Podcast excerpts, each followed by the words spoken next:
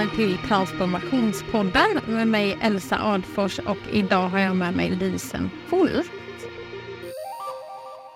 Du är verkställande direktör på Stockholm Resilience Center. Och läser man, läser man om det så kommer det upp väldigt mycket titlar. Ja, vi har bytt titlar på mig lite då och då när jag fått nya ansvarsområden och eh, det senaste är att jag är vad som heter Deputy Director, alltså att jag vice chef kan man säga för Stockholm Resilience Center. Men jag har också ansvar övergripande för all vår utbildning som vi gör. Eh, men i grunden är jag ju forskare inom hållbar utveckling. Och för den som inte känner till Stockholm Resilience Center, kan du beskriva lite vad ni gör för någonting? Vi är ett forskningscentrum på Stockholms universitet eh, som bildades 2007 med uppdraget att eh, försöka förstå den här nya situationen vi befinner oss i som mänsklighet. Där vi är en dominerande art på planeten men samtidigt helt beroende av att planeten fortsätter fungera. Um, och förstå mm. situationen och navigera framåt. Och då måste man uh, föra samman människor från många olika forskningsdiscipliner under samma tak för att få den här helhetsbilden. Så det var vårt uppdrag. Och eh, idag så ska vi prata lite grann om um, en bok som du har skrivit tillsammans med Erika Treis som heter Kursa. Eh, och det är en verklig kurs som eh, ni har hållit för massa näringslivstoppar, kan man säga så? Ja, det tycker jag man kan säga. Det är vd och styrelseordföranden i eh, inflytelserika bolag eh, i Sverige som har gått programmet. Vad, vad var anledningen till att du skrev eh, boken? Önskar du eh, nå ut till en bredare målgrupp eller hur var tankarna runt det? Ja, vi tar ju bara emot 16 deltagare per år och eh, det är många fler som behöver den här kunskapen och det var faktiskt också från deltagarna själva som efterfrågan kom, att de ville ha någonting att, att ge vidare till andra som inte har gått programmet. Ehm, så det var ett sätt att eh, popularisera kunskapen men också tankarna som finns i det här skiktet av samhället med de här intervjuerna vi har gjort med, med människor som eh, är framträdande i näringslivet. Och om man dyker in i det här boken lite då så har ni ju ett upplägg där ni börjar ganska tungt på de vetenskapliga eh, mekanismerna bakom klimatförändringar och bakom den mänskliga påverkan. Hur viktigt är det egentligen? Att förstå det för att få kraft att agera? Vi tror ju att det är otroligt viktigt och det är många som säger till mig inför att de ska gå programmet att ja, men jag har ganska bra koll på läget så jag vill framförallt fokusera på lösningarna. Vilket jag förstår, det är också rollen man har som VD. Mm. Eh, men sen visar det sig när vi väl sitter där och vi får höra Johan Rockström och Kate Rayworth och andra berätta om vad, hur är situationen nu att man ändå inte riktigt hade förstått allvarligt, allvaret i situationen och heller inte hur klimatförändringen hänger ihop med biologisk mångfald, färskvatten, eh, matförsörjning och så vidare. Och då tänker vi att man måste få den där grunden för att sedan hitta eh, bra lösningar. Men man får inte stanna där och det är väl det som är, är, risken att man liksom fastnar i den här känslan av att det är så otroligt svårt och har gått så långt och så där. Så det, stora delen av programmet handlar egentligen om vägen framåt. Och är det det här med att um, förstå vetenskapen bakom klimatförändringar och hur planeten hänger ihop. Kunde du säga att det är lika viktigt nu som när ni höll kursen eh, först 2018? För jag, min, eh, min egen bild av det som eh, hållbarhetsstrateg då är att det börjar bli mer och mer allmän kunskap och mer och mer accepterat att vi måste verkligen agera nu. Nu har vi inte så lång tid eh, kvar på oss. Liksom. Men jag, håller med, jag håller med om det, att, att eh, grundförståelsen är mycket högre nu än vad den var när vi började 2018. Eh, samtidigt så är det ju också väldigt seglivat eh, med de här olika myterna som finns kring osäkerheter i forskningen i klimatsystemet, mänsklig påverkan och sådär. Så det är fortfarande viktigt att rusta vdarna med den där förståelsen för hur man har kommit fram till de här frågorna, eller de här insikterna och, och var osäkerheterna ligger och så. För de kommer möta det sen i, ja, i styrelserum kanske eller på middagar eller sådär. Då måste de känna att jo, men det här vilar på, på trygg grund. Så jag tror att det är fortsatt viktigt men, men eh, mer som en förstärkning än, än en nyhet. Tycker du förresten att det har eh för du sa ju det här nu att hur det liksom hänger ihop med klimatförändringar och biodiversitet och, och hur vi får eh, resurser från naturen. Tycker du att det har funnits något fel i kommunikationen tidigare? För man har varit väldigt tung på klimatförändringar. Nu blir det lite varmare. Mm. Att man liksom, kan det ligga någonting i att man har svårt att se allvaret i att det blir lite varmare? Ja, så kan det nog vara. Alltså, det låter väl inte så farligt med en grad eller två graders högre temperatur. Mm. Så det är väldigt viktigt att förstå vad blir konsekvenserna av det på olika platser för olika sektorer eh, för människor. Man måste knyta det till oss och våra samhällen. Men jag förstår också att man väljer att göra så därför att det är andra sidan av myntet är ju att, att systemet blir för, alltså att frågan blir för komplicerad och att man känner att nej men allt det här, kan inte ta hänsyn till allt det här, jag måste börja någonstans. Och då är ju koldioxidutsläppen ändå en väldigt bra start för det är också lätt på ett sätt lätt att mäta och följa förändringar och sådär. Eh, det passar väl ihop med hur man jobbar med eh, att mäta finansiella mål och sådär. Det är lite mer komplicerat med biologisk mångfald och jämlikhet och sådana saker. Så att eh, Ändå märker man att det, liksom, debatten börjar falla över mer och mer på biologisk mångfald, skulle mm. jag säga. Eh, och jag, ja, men jag satt själv i ett forskningsprojekt där vi tittade på det och också tittade på liksom, alla tusentals olika indikatorer mm. det finns för att mäta biologisk mångfald och de är ju inte bra, liksom, någon av dem. Nej, men det, det är verkligen en mycket större fråga. Men det som är väldigt konkret med biologisk mångfald tycker jag är att det är så platsbaserat och att man liksom eh, Koldioxiden är ju så diffus på något sätt, man kan inte se den. Men eh, den biologiska mångfalden och konsekvenser för den, den, den, ser vi ju liksom på platser när man bygger fabriker eller öppnar gruvor eller tar ut resurser eller skapar avfall, eh, förgiftar och så vidare. Det andra som jag tycker är fantastiskt med biologisk mångfald, det är ju att det är kopplat till livet och till eh, liksom, förmågan till återhämtning och det är någonting som slår an något djupare hos oss än koldioxid som också är en väldigt teknisk eh, grej. Så att eh, jag tror om man hittar rätt så kan biologisk mångfald bli en väldigt positiv fråga att arbeta med. Det går ju faktiskt att restaurera och det går att samarbeta med naturens processer, använda dem klokare och sådär. Så man kan hitta mer sådana vinklingar på det, naturbaserade lösningar och Eh, restaurering och sånt. Så att, eh, men indikatorerna är absolut svåra. Vi jobbar mer och mer med till exempel inom finansvärlden att det viktigaste är faktiskt var någonstans har man operations? Vad för typ av operations har man? För då kan man idag med, med satellitdata och annat förstå ganska bra vad blir påverkan på biologisk mångfald på de här platserna genom de här operations. Snarare än alla de här extra indikatorerna som, ska, som är någon sorts tolkning av det hela.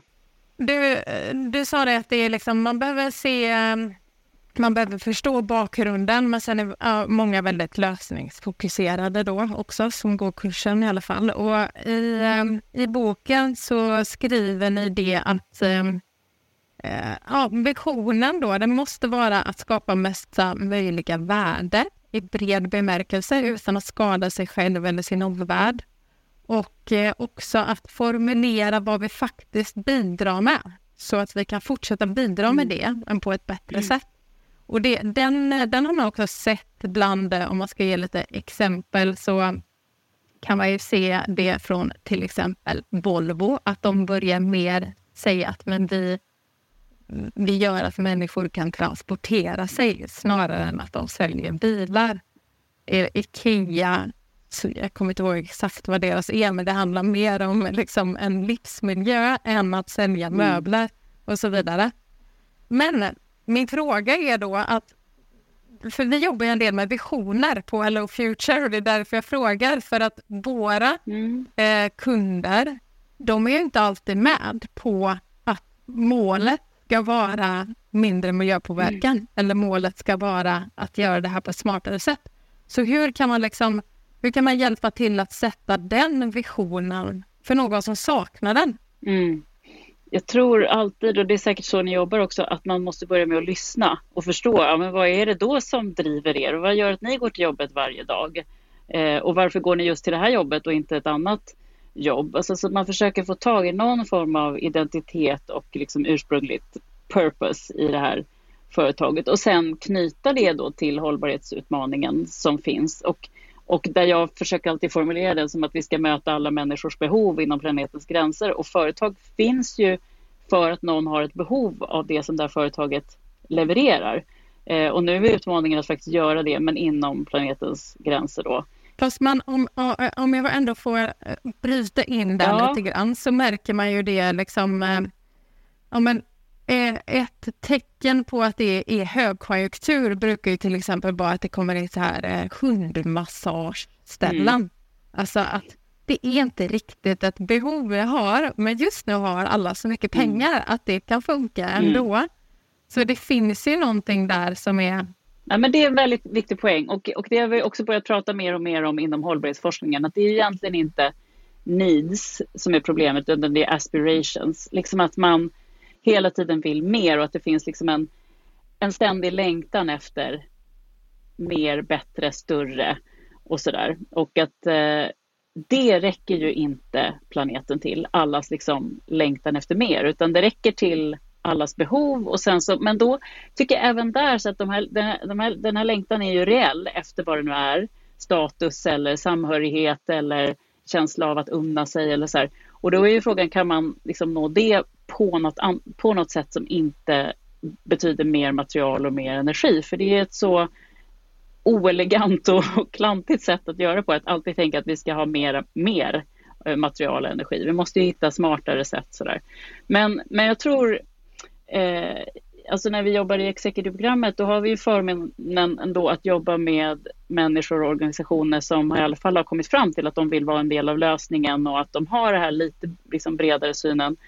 Eh, det är först då man avsätter den här tiden och pengarna för att gå programmet. Men sen inte att de är framme eller så, men, men vi möter ju inte de här som är helt ointresserade av att få in hållbarhet i sin vision och jag har full respekt för att då är det ganska mycket svårare. Man måste hitta någon krok in, någonting att börja med liksom, och så får man hjälpa folk att, att hitta eh, ja, vad blir, vad blir liksom den möjliga drivkraften här som är hållbar. Ja, jo men för att också då så att man har ett företag som, eh, som är mer inne på de här aspirations och att man är ärlig med dem och säger att okej, okay, men status är någonting som är mm. viktigt här. Men kan vi hitta det på ett annat sätt? Då är det ju ändå en potentiellt så här ganska stor affärsmodells eh, förändring mm. man behöver göra. Om det är så här, ja, men då är det inte att sälja den här sportbilen Nej. längre till de som vill ha statuspengar. Mm. Va, liksom, har du har du varit med om det från några av dina kursdeltagare eller följer ni upp dem förresten, vad de så har gjort? Vi håller faktiskt på med en eh, serie intervjuer nu eh, med tidigare deltagare för att förstå vad har det här lett till och vad har de gjort för förändringar och sådär. För att hittills har vi ju bara anekdotisk eh, liksom, information.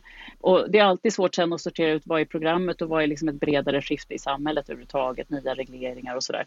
Men det är ju väldigt många som ändå säger att det här programmet har fått dem att eh, se frågan på ett nytt sätt och se att den är liksom central för deras kärnaffär och att det är ingenting de bara snabbt kan ticka av utan de behöver jobba med det här mer integrerat i hela företaget och sådär. Och äh, som själva säger att de har gjort en ganska ordentlig kursändring. Sen tar det tid att, att få det att liksom synas. Har det varit eh, liksom, eh, snack om eh, förändrade affärsmodeller när ni har det där? Ja, mm. jo men det har det absolut. Det, det klassiska är väl att gå från produkt till tjänst liksom, eh, och hur, hur lyckas man med det?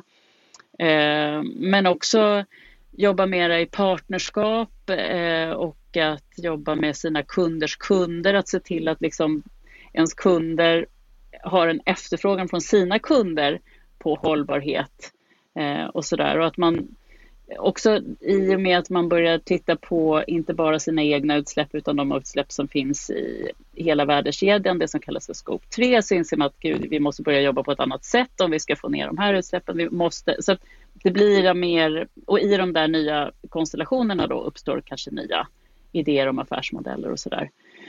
Mer av delning av det vi har och, och sådär. Men för, för det är en sak med då vad var företagets ursprungliga purpose eller varför bildades det, vad är det liksom, och vad är det idag som efterfrågas. En annan sak är ju vad är vi bra på, liksom, vad är det som bara vi kan göra som ingen annan kan göra eh, och, och hur kan vi liksom då koppla det till någon hållbarhetsutmaning. Det är en annan sätt att eh, ta sig an den här frågan. Eh, att se vad är verkligen vår nisch. Men jag tror det måste till en affärslogik. Det måste till att man känner att det här är bra för affären och då är det ofta det som på något sätt biter är att man ser att det här väntar runt hörnet. Förr eller senare kommer ett starkt policyrespons på den här frågan och då gäller det att vara redo med alternativen för det tar tid att bygga upp dem och då kommer liksom marknaden efterfråga det från en dag till en annan i princip.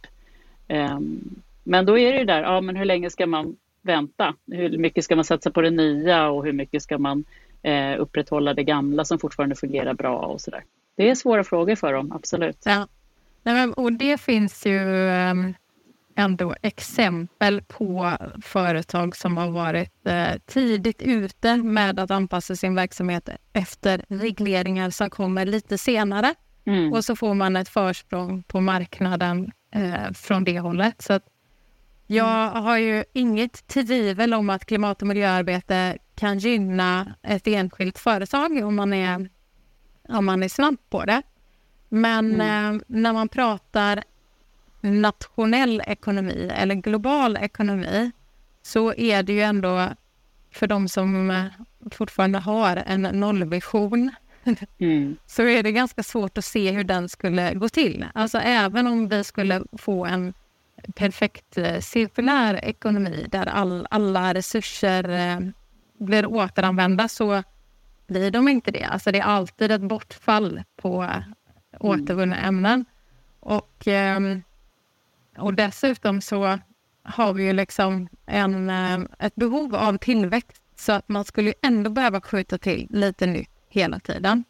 Och, och på det spåret då så är det ju liksom många hållbarhetsmänniskor som är väldigt kritiska till eh, oändlig tillväxt. Det är någonting mm. fel i det här systemet. Vi kan inte ha det så. Liksom. Och det har ju varit ända mm. sedan 1970-talet eh, när Limits to Growth kom. Um, mm. har, har, du liksom... Eh, kommer man in på det i din roll?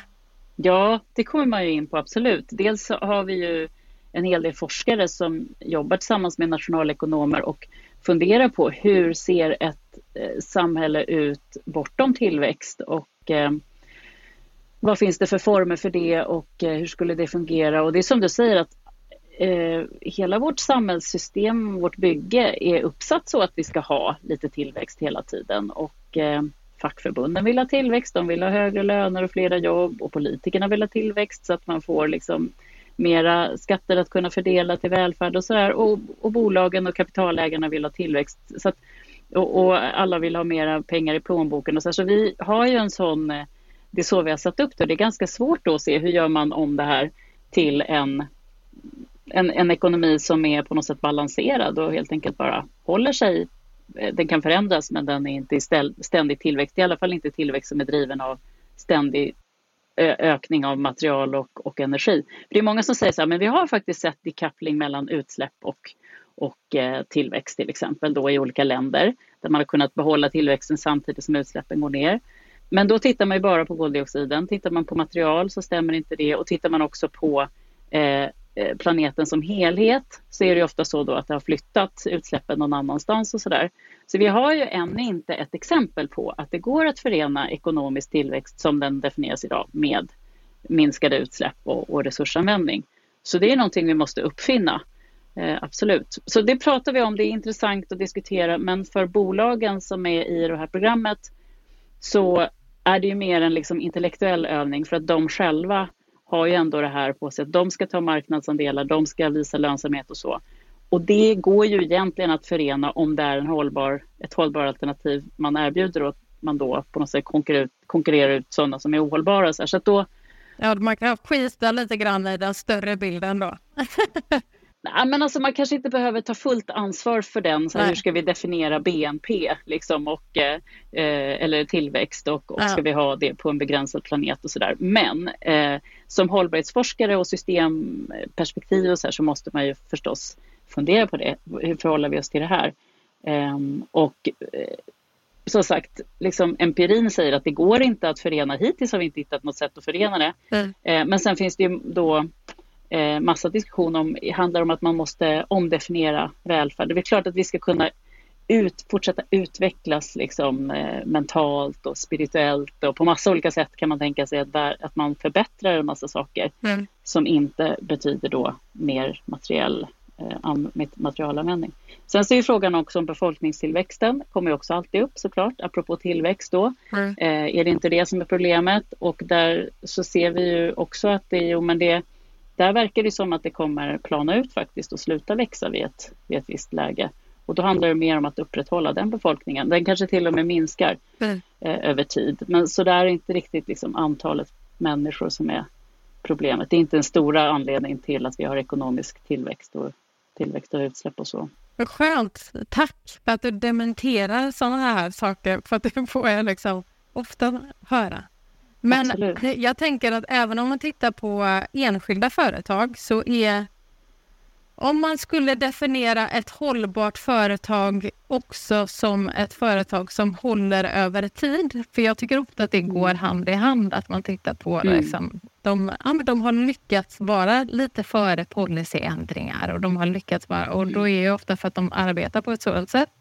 Men i Sverige i alla fall så är de äldsta företagen familjeföretag. Mm. Och och bara det tror jag gör någon skillnad. Att man inte är lika, i sina satsningar så är man inte lika styrd av kvartalsrapporten och eh, investerarna som sitter där. Det tror jag också. Mm. Nej, men, och det, det är många som säger det att det är väldigt skillnad att jobba i familjeägda bolag och i, i bolag som bara har liksom, eh, tillfälliga ägare så att säga. Mm.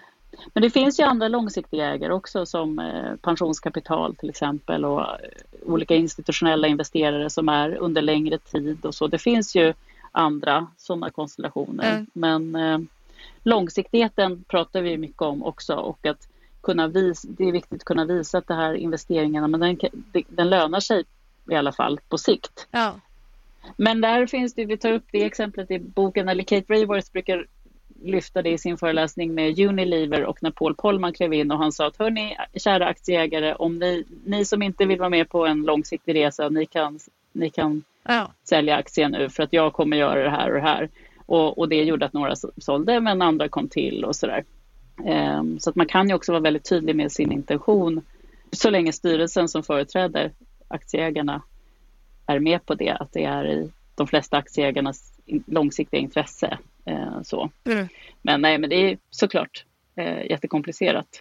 Ja, nej, men för att man blir också inspirerad av eh, ja, men både Elinor Oström som eh, också var Nobelpristagare 2009. Nobelpriset till, eller ekonomipriset till Nobels minne brukar man vara noga med att säga ja. eftersom hon inte var med i ursprungliga testamentet. Mm. Men absolut, mm. jag säger också att hon är Nobelpristagare. hon är en förebild. Men för där var det ju liksom, mm. det var väl i just Nobelpriset, eller Nobelpriset till Nobels minne. så är det väl kanske mest om allmänningen. Men hon har ju tittat väldigt mycket på det där med att man driver saker mer hållbart när man, när man äger någonting tillsammans. Och så mm. är det ju. Ja, så är det kanske lite grann i familjeföretag, men oftast så är det någon annan som äger än de som jobbar. Och jag, mm. ja, jag tänker att det är ju en väldigt stor förändring om man skulle gå mot de där idéerna. Tror du på, mm. tror du på en sådan förändring? Liksom? Eller tänker du att nej, vi får nog jobba med det vi har? Personligen tänker jag att vi får jobba det, med det vi har och mm. sen finns det många andra som jobbar med att liksom, utveckla alternativen mm. och det är också ett väldigt viktigt arbete. Men eh, det finns ju någonting eh, centralt i att ställa om befintliga strukturer, alltså jobba inom befintliga strukturer och förflytta dem mm. eh, i, en, i en takt som fungerar. Och där känner jag att jag kan jobba och, och göra skillnad, men då är det ju liksom inom de ramar som är. Mm. Um, så det är väl, jag tror att båda behövs. Och det finns ju ett behov av kapital och det finns ett behov av, av investeringar och så. Eh, för att kunna utveckla företag och sådär. Så att liksom aktiebolagsformen och, och, kapitalismen och så har ju en, en roll att spela, mm. uppenbarligen. Mm. Um, men sen är det intressant också med att det växer fram liksom, kooperativa bolag och andra ägandeformer och mm. sådär. Det är ju jättespännande att experimentera med. Mm. Såklart. Jag frågar väl också lite grann för att vi håller på att experimentera med en sån grej nu. På ja. Hello Future har vi ett, eh, ett projekt som vi kallar för självstyrande organisationer.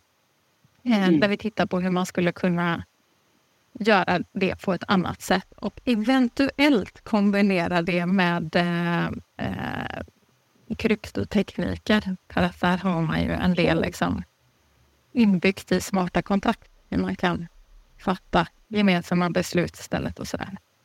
Spännande. Och gör ni det för ert bolag då eller för, för era kunder? Liksom Nej, vi gör det. Vi, det är ett uppdrag vi själva har fått stöd för genom Smart Built ah. Environment.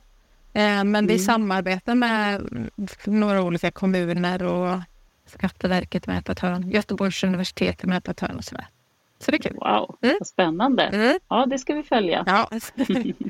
Jag tänker på det här, vi ska prata lite grann om uh, scale of economies också. Uh, alltså mm. att man har uh, mera muskler till att göra saker när man är stor och man har också fördelar för att man kan göra saker billigare när man är stor. Mm. Eh, och på ett sätt så... Alltså jag tänkte på det, ni har ett exempel i boken när ni pratar om, eh, ni har samlat ihop eh, representanter för eh, stora fiskeföretag. Mm. Ja. Och då är det ju på ett sätt en fördel när man kan samla så här åtta i samma rum och säga nu mm. måste vi göra någonting åt det här. Men eh, det blir också någonting väldigt så enfaldigt över de här jättarna.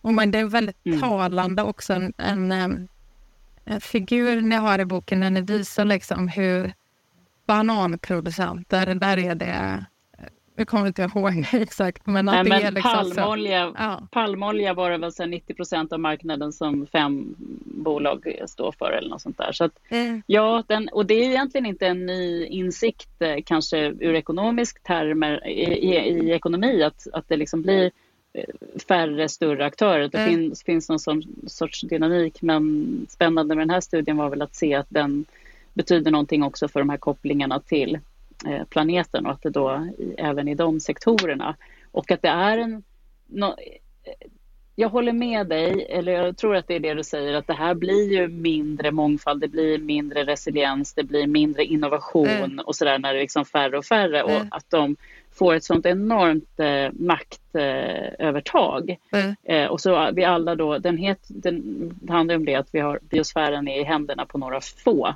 Eh, och biosfären är vi då alla beroende av, så det är inte så, så lämpligt att bara några få människor ska styra över det. Men givet att det är så, så har vi i alla fall hållbarhetsforskare en roll att, hållbarhetskonsulter också, att hjälpa dem då som har de här stora makten att se den makten och, och använda den på ett positivt sätt. Men jag tror att alla ser att det egentligen är dåligt med ökande klyftor och ökande makt koncentration mm. för hållbarheten. Mm. Ja, för att det är ju liksom um, i så många olika sektorer. Det är bara att titta på hur jordbrukssektorn ser ut. Alltså utvecklingen. Mm. Bara större, större, större och färre. Och det är... Mm. Alltså, där, för det, det, här kan jag liksom också eh, komma lite grann i diskussion med människor ibland. För att eh, när man då pratar rena klimatutsläpp och koldioxidutsläpp så får de ofta eh, fördelarna på sin sida för att man kan göra det mer effektivt och och nu kan ju varje kossa mjölka dubbelt så mycket som den kunde för 30 år sedan. Och det är mycket mm. bättre, för då har de mycket färre mm. metanutsläpp på sig. Mm. Eh, men jag känner att man missar någonting i det där. Absolut, och det, det ser vi i bara resiliensforskningen också, mm. så som handlar om förmågan att klara av förändringar och leva med förändringar och sådär. Och som är en förmåga som, som uppstår Eh, i självreglerande komplexa system. Eh, som till exempel eh, organismer, liksom kroppar, ekosystem, samhällen och sådär. Levande system helt enkelt har ofta någon form av, av resiliens. Men man ser att resiliens ganska ofta står emot eh, optimering eller liksom effektivisering därför att man skalar bort en massa, när man jobbar för att e-, effektivisera och få fram bara några få produkter till exempel från en skog. Eh, då optimerar man för det, men det man tar bort då det är just förmågan att klara av överraskningar och, och som översvämningar och bränder och sådär. Därför man tar bort arter och man, alla, är, alla träd i samma ålder och så, och sådär. Eh, så man minskar, man ökar sårbarheten när man ökar effektiviteten. Mm. Och optimerar för bara en produkt från ett system som egentligen är komplext. Och det där är ju jättesvårt för folk vill ju alltid göra det. Man vill ju ta genvägar, man vill att det ska vara så enkelt som möjligt, få så mycket som möjligt och sådär. Och sen ser man när pandemin slår till att oj, vi kanske borde haft ett beredskapslager eller vi kanske inte bara borde gjort allting just in time och sådär. Mm. Men det behövs ju de här störningarna ofta för att man ska bli påminn om det, att vi också behöver bygga mer av det. Ja. Resiliens. Ja. Eh, för det kostar lite med resiliens tycker man. Och så om man då tycker att världen är ganska förutsägbar så tycker man inte att man behöver investera det. Det är väl som att ha liksom försäkring eller sådär. Mm. Det är alltid en övervägning. Jag, jag, jag gillar eh, ordet resiliens väldigt mycket. Jag gillar det mer mm. än hållbar eh, eh, utveckling eller sådär för att det mm. Eller egentligen, för, egentligen är det väl klimat just som ofta särskiljer sig, att det kan gå hand i hand med effektivisering. Men om man tittar på mm. alla FNs hållbarhetsmål så är ju resiliens mm. bättre för att förklara hur mm. man ska ta sig dit. Ja, men jag håller med. En annan fråga handlar ju om trade-offs. Alltså det är också någonting som man väldigt ofta eh, kommer in på, tycker jag. Att, och det kan ju vara som med skogen då, som du pratar om nu. Men om mm. vi ska minska våra koldioxidutsläpp så ska vi använda jättemycket biobaserat material. Och då mm. får vi upp de här monokulturskogarna som eh, inte har någon biodiversitet i sig. Eller mm. att eh, elektrifiering av fordonssektorn är superbra men det är en humanitär katastrof i Kongo mm. för kobolten. Att det, det, är så mycket sånt hela tiden när man mm. jobbar med det här. Mm. Hur liksom, har du något tips om hur man kan tänka runt det? Ska det vara så här, ja, men det får vara okej okay för att vi måste göra någonting eller? Nej, det tycker jag ju inte att det liksom bara är okej. Okay. Jag tycker inte målet helgar medlen, man ska säga. Man kan inte offra människor liksom på eh, klimatomställningsens altare eller sådär. Men vad som blir intressant med det här, det är ju att förutse, alltså vara öppen och nyfiken inför de här sidoeffekterna som det blir. Inte blunda för dem, inte försöka eh, förneka dem eller sopa dem under mattan, utan ta upp dem, titta på dem. Vad blir faktiskt konsekvenserna av att vi gör den här omställningen? Och sen fundera på kreativa lösningar kring det. Kan vi göra det på ett sätt som gör att vi undviker det där eller minskar det eller kompenserar för det eller eh, kan vi hitta på en annan lösning som, som servar både biologisk mångfald, och klimat och jämlikhet till exempel. Mm. Så att jag tycker det viktigaste med de här målkonflikterna det är faktiskt att på något sätt se dem och att agera på dem så, så ärligt och vettigt som man bara kan. Mm. Sen är det alltid det uppstår alltid oväntade sidoeffekter också, så att det gäller att ha beredskap för dem. Och något man trodde var bra och gjorde med bästa intentioner kan ändå få visa sig ha negativa konsekvenser. Och då igen gäller det att vara väldigt uppmärksam på dem ja. och försöka adressera dem. Jag tycker inte om när man säger så här, ja men eftersom klimatet är så viktigt så måste vi göra alla de här sakerna som blir jättedåliga, som ni tycker är jättedåliga. Eh, de måste förklara mycket tydligare. Mm. Eh, till exempel om man ska etablera en gruva, då måste man jobba med lokalbefolkningen. Man måste jobba med hur man kan restaurera naturen efteråt eller hur man kan investera i natur som är liknande i närheten. Alltså man måste ta reda på vad blir det för konsekvenser och vad kan vi liksom göra åt dem. Mm. Inte bara säga så här, jo vi måste ha en gruva för det krävs för elektrifieringen, punkt. Mm. så, att, eh, så de här samråden är ju viktiga eh, och eh, att se en fråga på många, från många perspektiv så att man verkligen får upp de här målkonflikterna på bordet. Mm. Och sen leta efter synergier istället. För det, precis som det finns trade-offs finns det ju ofta också positiva sidoeffekter som man kanske inte har sett och tagit vara på om man tittar lite bredare. Ja, just det. Som när man gör, ja, men, eh, går över till mer kollektivtrafik och, och, cykel i städer så är det inte bara klimatet utan det är folkhälsan också med luften och och motionen och allt det här. Och, ja, det finns många sådana exempel på grejer man kan göra som är bra för flera frågor än en ja. i Agenda 2030. Ja. En, en av mina favoritforskare är ju Donella Meadows. Den har du koll på. Eh, mm. Men hon var ju bland annat med och skrev den här boken då, Limits uh, to Grow som eh, på, på 70-talet tittade på hur eh, resurserna, jordens resurser kommer ta slut och vi fortsätter på det här sättet. Mm.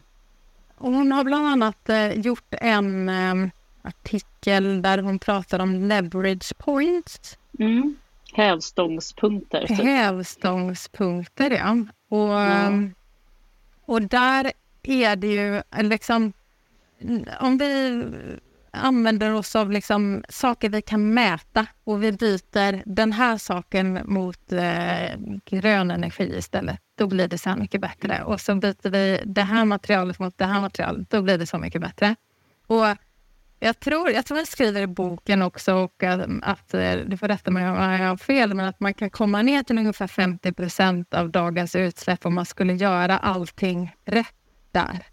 Ja, alltså framförallt så tittar vi på eftersom det finns det här idén då om en tankemodell där man siktar på halvering varje årtionde mm. av utsläppen. Eh, istället för att tänka att vi ska minska lite varje år så siktar vi liksom på den här innovationsagendan då med halvering varje årtionde. Och då tittar vi på, går det att göra den första halveringen? Och då ser vi att ja, det går med liksom nuvarande metoder och då under de tio åren så kan vi eventuellt då eh, utveckla metoderna för halvering nummer två så att säga. Mm. Eh, så det, jag tror det är den du tänker på. Men man förlitar sig på framtidens eh, framtidens tekniker då. Eh, mm. Och det är väl också mm. därför EU har liksom sånt eh, satsning nu på innovation. Mm. och, men, nej, men det, det, för det jag tänker på är ju snarare om man behöver klättra lite längre upp på hävstången där man mm. mer pratar om kulturella förändringar och systematiska förändringar. Liksom paradigmskiftet, liksom, till exempel kring tillväxt eller vad ska vara samhällets mål eller och mm. vad ska vi ha för mm. eh, förhållande till, till naturen och till varandra och, mm. och de här frågorna. Mm. Ja, men, och där igen, lite grann som jag svarade på en annan fråga tidigare, men att det handlar om att jobba på flera nivåer samtidigt ja. och att då vi jobbar med etablerade bolag, men det är också viktigt att jobba med eh, andra typer av, alltså startups till exempel. Eh, här jobbar vi då med eh, att hjälpa företagen lite här och nu kring mätning, eh, vetenskapsbaserade mål och, och sådana här saker.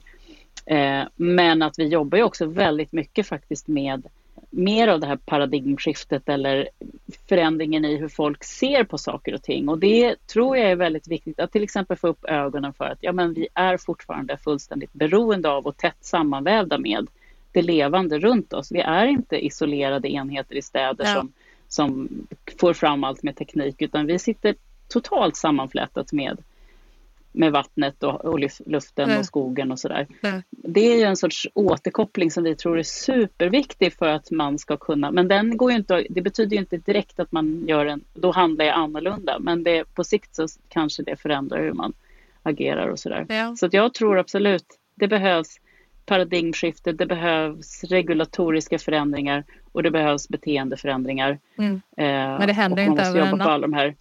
Nej, och man måste jobba på alla de här nivåerna. Och igen då, alla kan inte göra allt utan det ja. gäller att jobba där man kan. Liksom, mm. Vad är jag bra på? Eh, och var i det här systemförändringen kan jag stoppa in mm. min bit? Mm. Tror du att det kommer bli en sådan eh, förändring i diskussionen mer och mer att man pratar om liksom eh, resiliens och hur man är påverkad mm. av sin omvärld och, istället för hur man påverkar sin omvärld. mm. Ja, jag hoppas det. Jag tycker mig skönja det, mm. eh, att det blir mer och mer medvetenhet kring det. Och där tror jag att pandemin hade en viktig um, effekt. Liksom att vi förstod att vi är globalt sammankopplade, att vi är så sårbara för ett litet virus, mm. att våra leverantörskedjor är så fragila och sådär. Men också vad vi kan åstadkomma om vi går tillsammans och liksom bestämmer oss för att stänga ner saker och ting så kan vi göra det. Så det var mycket liksom insikter som jag tror kom där kring resiliens. Uh, och jag tror också ja, men när vi hemskt liksom får krig i vår närhet. Att mycket saker som vi tar för givet är inte Nej. så stabila som vi trodde. Mm. Och då blir det ju viktigt att, att bygga resiliens och också börja ta ett större ansvar för, för det här som vi alla är beroende av men som ingen riktigt, som, ja, som, som alla har tagit för givet bara, att det ska bara fortsätta fungera. Mm. Det som att nej men det är ingen, vi får hjälpas åt att ta ansvar för det här. Så jag hoppas det, att det växer fram en sån mm. insikt. Om du skulle liksom sammanfattningsvis lämna några råd till eh, ledare, alltså både offentligt och privat, även om de kanske är olika. Hur man kan bli mer resilient då? Vad skulle det vara? Mm. Ja, det är ju så otroligt olika för olika ja, personer och organisationer det. och sådär. Eh, vi skriver lite i boken om vad vad man inom forskningen har identifierat för liksom olika dimensioner som är viktiga. Till exempel att mångfald är väldigt viktigt och då handlar det om mångfald av idéer, mångfald av resurser, mångfald av eh, möjligheter och sådär. Att bygga liksom bredare mångfald runt mm. sig och redundans, liksom att man, man tänker eh, mer överlapp i det som man, att man inte bara är en, eh, ett sätt att, att göra saker och ting utan man har backup-system och sådär mycket som handlar om samarbete och lärande och, och, och massa sådana dimensioner. Men, så det, det är ganska komplext, men just, just resiliens handlar om att leva med förändring, kunna ta vara på förändring, kunna eh, styra om, eh, bidra till att styra om ett system när det längre inte är fit for purpose, så att säga.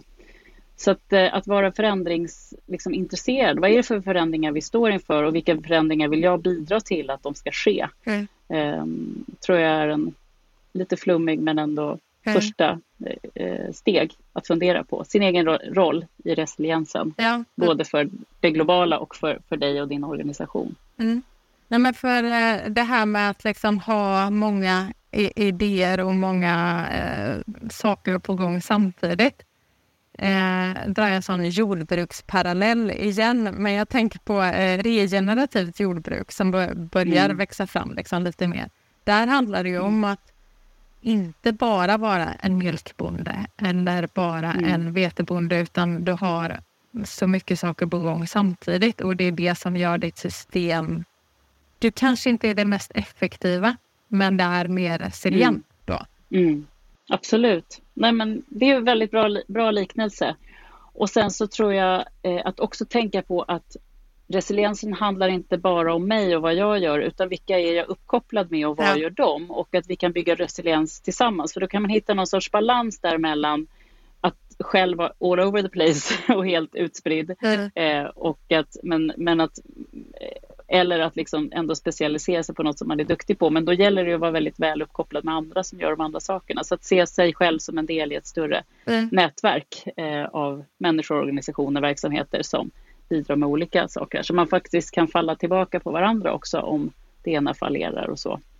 Så det ser vi en jätteviktig bit, att vara uppkopplad med fler. Ja. Det är väldigt få som är resilienta i isolering. Liksom. Ja. Och det mm. tänker jag också kräver lite så kulturförändring på mm. vissa sätt. Att, eh, att inte se varandra som konkurrenter utan som samarbetspartners. Mm. Verkligen. Och, men det öppnar ju också upp, det blir ju väldigt roligt. Man upptäcker ju ofta väldigt mycket nya saker när man börjar jobba med nya eh, aktörer. Ja. Så att, eh, mm. tänkte också att jag skulle avsluta med för jag tyckte det var så fint, en mening som ni hade skrivit i boken. Det står acceptera utmaningen i all dess omöjlighet och hitta någonting som är meningsfullt här och nu. Vad roligt att du tyckte om det. Jag kände själv när vi skrev det, så bara, ja men precis så är det. Ja. Det var väldigt skönt att skriva den här boken och ibland hitta sådana formuleringar som sätter fingret på vad jag faktiskt tror är, är centralt. Så det gläder mig att den landade hos dig. Det är ju precis så svårt och så enkelt. Ja, tack så jättemycket för att jag fick prata med dig Lisen. Tack ska du ha, jätteroligt och eh, lycka till med allt viktigt arbete som ni gör. Det ska bli spännande att hålla kontakten. Ja, detsamma.